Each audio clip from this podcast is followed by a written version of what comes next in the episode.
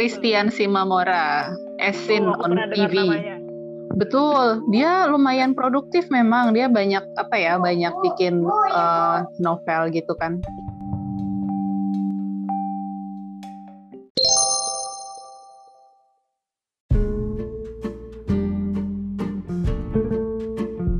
Ya kalau dibilang fans sih enggak, tapi memang luma, aku lumayan lumayan sudah baca bukunya beberapa gitu. Terus dia itu punya kayak semacam dia bikin kayak apa ya apa ya bahasanya? Mungkin bukan serial ya tapi dia kayak mengklasifikasikan beberapa novel itu.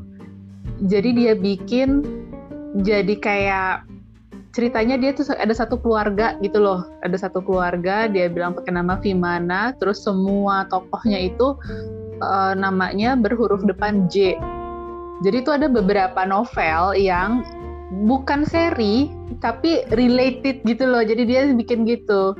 Nah ini salah satunya gitu. Ada si Esin on TV terus ada ada aku lupa aku lupa banget Oh, judul-judulnya kayak nama nama pria di, di rumahku sih semuanya pakai J.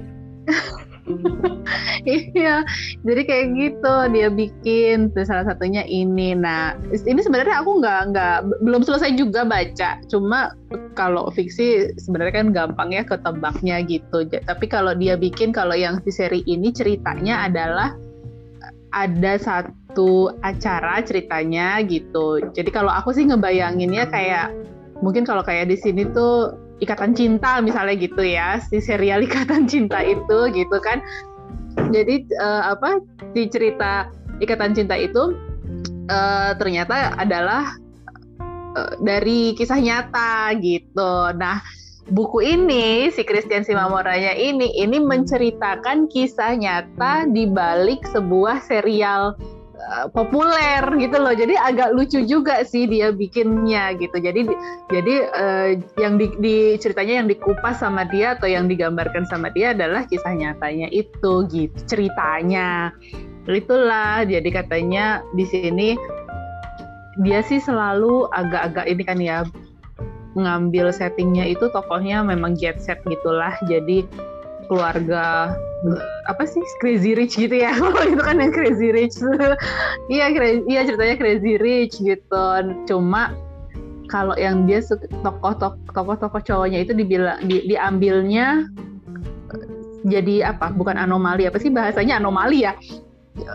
Pokoknya walaupun mereka berlatar hmm, dari keluarga super kaya gitu tapi hampir semua tokoh-tokoh cowok yang digambarin sama dia itu outliers gitu ya. Jadi selalu mereka punya punya kehidupan sendiri pu- yang kayak berusaha melepaskan diri dari nama keluarganya gitu loh. Jadi kayak yang justru struggle-nya tuh semacam itu gitu. Jadi kayak eh, ya enggak gitu walaupun gue punya punya gelar Vimana ceritanya nih sih kan di sini tokohnya namanya Ja- Javier Ja- Javier Vimana jadi si Javinya ini katanya walaupun dia punya nama Vimana tapi dia kayak mau stand on his own gitu. Jadi dia punya eh, apa bisnis sendiri ya gitu-gitu kan.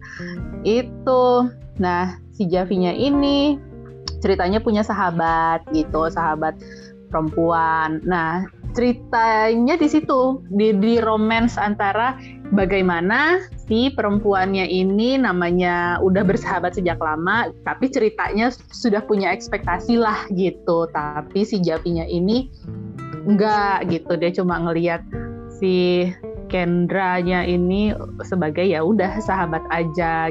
Sampai kemudian eh tapi kan biasa ya digambarin namanya perempuan kan kayak ya kita suka bertahan dengan ekspektasi sendiri gitu kan. Ini sih sebenarnya nggak tahu deh kalau yang yang kita udah nikah sih agak-agak ini banget ya. Maksudnya kayak udah ngelewatin banget masanya itu enggak sih? It's like apaan sih?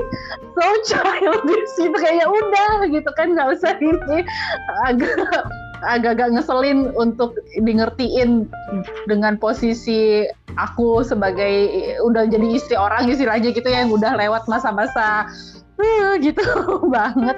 Tapi ya gitulah ceritanya si Kendranya ini kan masih di kondisi itu jadi dia masih berharap gitu kan. Oh mudah-mudahan si Javinya ini mau melihat dia sebagai lebih dari sahabat tapi ternyata enggak gitu apalagi sampai mereka sempet di satu acara ada sub apa ya kayak mutual friendnya gitu tunangan. Jadi terus mereka kayak semacam double date ke puncak. Terus yang si mutual friendnya ini sama tunangannya tuh kayak ayo ayo kita bikin truth order gitu kan untuk menggali nih untuk beneran. Apakah emang si Javinya ini nggak ada rasa sama si Kendra gitu kan. Dan ternyata bener gitu. Si Javinya emang bilangnya gitu padahal ternyata maksudnya si Javi itu dia kayak main aman eh, nggak uh, kuliah semuanya udah ceritanya udah pada kerja si Javi sama si Kendra itu tadinya kerja bareng. Jadi kan tadi si Javi punya bisnis. Nah, ceritanya tadinya si Kendra itu jadi kayak manajer operasional di kafenya si Javi itu. Si Javinya itu terus masih gitu kan, dia bermain aman. Dia nggak bilangnya, enggak emang gue nggak tertarik aja, gue tidak bisa melihat Kendra seperti itu katanya gitu. Terus kan tapi nih yang mutual friend-nya nih rada-rada rese-rese gitu kan, kepo digali-gali terus kenapa sih emangnya kenapa? Kan Kendra udah lama, uh, dia udah baik gini-gini. Terus si Javinya tuh bilang kayak iya tapi dia kurang ganteng. Nah iya si Javi akhirnya bilangnya gitu, nggak menarik aja gitu kan. It's like yang it's pokoknya fisiknya nggak menarik aja gitu lah. Akhirnya tuh kayak main fisik gitu si Javinya marah lah ceritanya si Kendra kan sakit hati banget. Gila gue udah uh, nempelin mulu ngarep apa segala macem. Ternyata gue nggak dianggap cantik gitu kan ya. Kurang oke. Okay. marah lah si Kendranya sampai akhirnya dia mutusin resign dari kafenya si Javi itu. Terus baru tuh di situ si Javinya satan gitu kan kayak ah kok ternyata gue di, di apa ya di uh, dialog internalnya dia kayak yang gimana gue bisa hidup tanpa Kendra? Gitu lah bahasanya. Geli banget ya. Standar ya standar, iya. Ada baru ya. iya gitu kan. Mm -mm, nah itu terus uh, barulah dari situ. Tapi uh, sebenarnya memang si Kendra kan alasannya adalah uh, katanya Kendra ini sebenarnya punya bisnis sendiri juga lah gitu. Dan dia bilangnya gara-gara gue sibuk jadi manajer operasional lo ini gue bisnis yang ini jadi nggak nggak kepegang nih. Jadi gue mau mau ini aja mau fokus ke bisnis gue aja gitu kan. Padahal ya memang ada alasan internalnya yang itu tadi ada rasa sakit hatinya itu kan gitu. Tapi karena si Kendranya juga kayak tapi gue nggak bisa marah banget yang sampai udah gue nggak ada hubungan lagi juga nggak bisa kan? Karena ya tahu sendirilah ceritanya dibilangnya cerita cewek gitu kan ya. Kayak masih ini jadi ya dia juga juga masih tetap ya udah pokoknya kita temenan aja gitulah bahasanya gitu kan. Terus apalagi si Javinya tuh yang pas dia nge-resign di hari terakhir uh, si Kendra sebagai manajer operasional itu sampai si Javinya datang ngejemput bawain makanan gitu-gitu deh. Jadi ceritanya kan si Kendra ini diceritain suka mangga. Dibeliin lah kue mangga, puding mangga, apa mangga, pokoknya semua serba mangga. Selagi sampai si Kendranya ini apaan sih? Nggak usah segininya juga, tapi dalam hati kayak oh so sweet. Ya gitulah. Terus karena udah masih sama-sama gitu kan, uh, tapi karena uh, si temennya yang mutual friendnya tadi yang abis tunangan itu kan akhirnya dia bilang sama si Ken kan namanya Laura kata si Laura udah udah sini udah kan lo kan udah kayak lo udah nggak apa ya kayak lo udah membuka diri kan untuk untuk kemungkinan baru apa segala macam ya udah nih kayak sekalian lah mengeksplor diri lo yang lain atau diri lo yang baru gitu kan. Jadi segala di makeover sama Laura beli ah udah yang mulai kayak gitu-gitu deh gitu. Sampai suatu ketika si Javi kan masih ngajak ada apa ya acara. Ceritanya kan dia masuk di kelompok mobil mobil mewah gitulah uh, grup mobil mewah gitu. Kayak model-model motor Harley gitu kan. Nah ini tapi mobil mewah gitu terus ceritanya touring. Si Javi ngajak Kendra. Nah itu di situ Kendra tuh dengan dandanan yang baru gitu kan. Jadi sampai eh, sampai si Kendra uh, rambutnya udah di sampai dicat pink terus pakai dress terus sampai bergaya-gaya hippie dengan apa uh, headband bunga-bunga. Pokoknya gaya yang baru gitu ya nggak pernah dilihat Javi sampai terus saya sampai Javi kok kok si Kendra jadi begini sih? gitu. Kok dia tiba-tiba jadi cantik ya? Gitulah aku belum selesai baca tapi kayaknya kita udah tahu lah ya hasil akhirnya apa. Iya. Aku mikirnya fisik banget tapi memang sebenarnya uh, diceritain memang si Javi itu gitu kayak playboy banget lah gitu dan emang kalau aku semua jadi Gandra aku nggak aku bakal ilfil deh sama Javi. Aku pun kalau aku makanya mereka ngapain sama yang lain gitu loh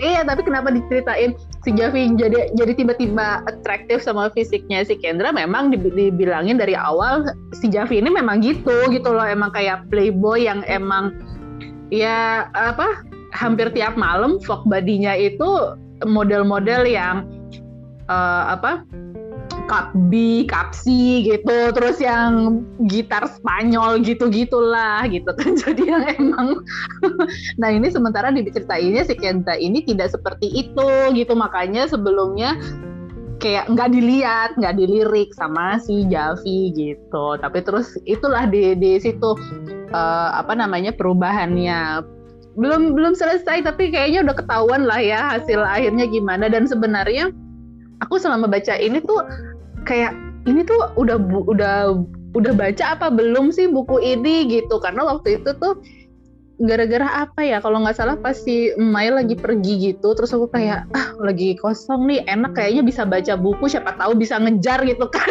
Nanti buat ikut Zoom KBK ambillah ini yang sepertinya ini waktu aku ambil ini kayaknya belum pernah aku baca. Tapi ketika baca ini kok kayak udah pernah baca? Ini udah pernah baca atau belum pernah baca sih gitu. Tapi ya gitu deh di antara itu. Atau maksudnya takutnya saking saking biasanya istilahnya gitu kan saking tipikal ceritanya makanya jadi ngerasa pernah baca. Apakah begitu atau emang sama sekali belum pernah baca? Aku lupa banget tapi memang sebelumnya aku udah pernah baca uh, buku-buku Christian Simamora gitu. Nah terus endingnya langsung nggak belum belum sih.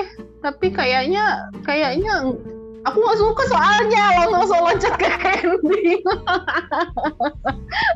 aku suka ngikutin semuanya walaupun sambil be be be gitu.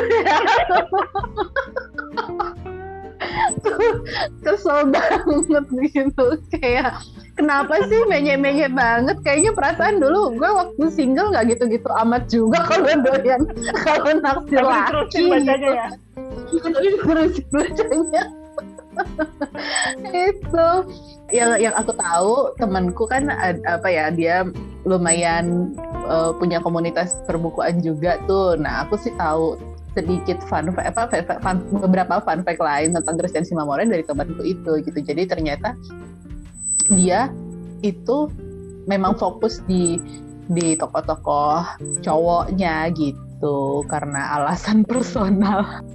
If you know what I mean gitu terus Kayaknya soalnya Hmm, dia tapi emang kelihatan sih apa ya dari dari cara dia menuliskan bagian uh, terima kasihnya gitu. Dia ada selalu gini. Aku bahkan sampai sekarang walaupun aku udah kayaknya udah lebih lima buku Christian Simamora yang udah aku baca, tapi aku nggak pernah tahu ini tuh apa sih dia tuh maksudnya. Jadi ada ini Pupu Newe Ciki Wewe yang ini. Gitu iya makanya nggak aku nggak tahu juga dia maksudnya mantra tapi selalu ada ini selalu ada ini. Tadinya aku pikir-pikir uh, apa? Apakah sebuah akronim atau apa? Atau apa? Tapi enggak dan dan ya karena aku bilang aku bukan fans juga jadi tidak pernah cukup effort untuk coba googling gitu ya. Apa sih maksudnya itu gitu? Bilang nggak sekepo itu buat cari tahu ya. Iya bener gitu. Tapi tapi selalu ada selalu ada. Di buku-bukunya itu pasti ada pupu newe ciki wewe itu. Aku nggak ngerti itu apa begitulah kira-kira kalau nonton drama Korea romcom mbak. Iya. Kadang menye-menye iyo ini apa gitu ya. Ini kok gitu banget sih? Gitu. Tapi terus aja ditontonin terus aja ditonton. udah, udah tahu nih bakal jadian di apa ada step-stepnya gitu kan. Nanti hmm. mereka bakal uh, ada yang mulai galau-galau di episode berapa terus ada yang mulai apa di episode berapa jadian. Hmm. kalau udah jadian di episode berapa nanti bakal tarik ulur lagi gitu-gitu. Tuh udah tahu semuanya cuma tetap aja ditontonin gitu. Terus ikut-ikut ya datang nanti bukan wewe gembel emang apa nih mantra itu kayak mantra apa datang tadi jemput pulang tadi antar kan enggak ya. Ngeri banget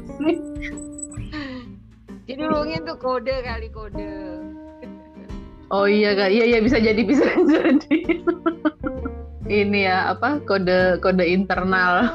Iya yang mereka tahu gitu entah apa setelah menikah ya aku ngebacain uh, cerita-cerita kayak percintaan gitu juga yang kayak ih gitu ya, ngapain sih? Gitu kayak ya memang ada sih perasaan kayak gitu kayak ya ampun lu sia-sia banget. Gitu iya sia-sia padahal aku sering banget ngalamin hal, hal kayak gitu justru atau justru karena aku dulu mengalami hal, hal bodoh seperti itu gitu. Jadi kayak ya ampun please lah neng gitu loh. It, itu kayak nggak ada artinya banget. Begitu menikah tuh eh udahlah gitu loh. Jadi iya bener mbak bener. Kayaknya aku juga kayak gitu. Aku sebelum menikah persis uh, ceritaku udah kayak aduh udah ada kayak drama. Eh pokoknya mah kalau sekarang suruh nonton drama model kayak gitu kayak eh emang lu bego banget gitu. Nah itu. Tapi yang yang yang aku omongin diriku di masa itu gitu ya. Lalu kemudian uh, ketemu sama yang sekarang gitu kan. Terus pas lagi mau nikah ngomong lah sama apa mantan bos yang di Alex kan yang udah kayak mentor gitu mbak gini gini gini gitu kan aku cerita. Terus dia kayak yang ya ampun Wika ya ya udah bagus ya. Seneng aku dengernya gitu. Gimana? Ternyata mudah kan kata dia gitu. Mudah kan pilih jodoh gitu kan. Terus saya e, iya mbak iya mudah mbak Iya emang sebenarnya mudah. Kamu juga tahu kalau sebenarnya mudah. Cuma ya kemarin ya nggak apa-apa. Kemarin mah dijalanin aja kata dia. Ya ampun rasa tertampar banget. ya kan kita belum tahu. iya bener. Ya itu tadi kalau kalau kayak Kendra di novel ini ya kayak masih masih bermain sama ekspektasi lah gitu. Kadang-kadang kan kita emang susah ya ngelepasin harapan itu gitu karena kita kan dibilangnya uh, di satu sisi kita dibilang uh, harus punya harapan gitu kan harus uh, kekeh sama harapan ya untuk kita bisa bisa fight lebih ke situ kan gitu. Cuma kadang-kadang ada masa-masa atau ada ada waktu-waktu tertentu yang ya memang kita harus bisa ngerti bahwa ya harapan ya dilepas harus bisa dilepas gitu supaya kita mungkin bisa bisa beralih ke harapan yang lain gitu kan bisa mengalihkan energi kita ke tempat yang lain. Lebih ke situ sih kalau sekarang udah belajar ya gitu iya kan? Kalau dulu kan pokoknya, pokoknya kalau fiksi harus happy ending. Iya benar. tapi itu tipikal perempuan kan yang iya. ngotot ngotot untuk hal yang memang sebenarnya nggak bisa dicapai. Nah karena ini fiksi ini happy ending, tapi di dalam kenyataan biasanya memang ya kalau emang cowoknya udah kayak gitu biasanya memang nggak mau.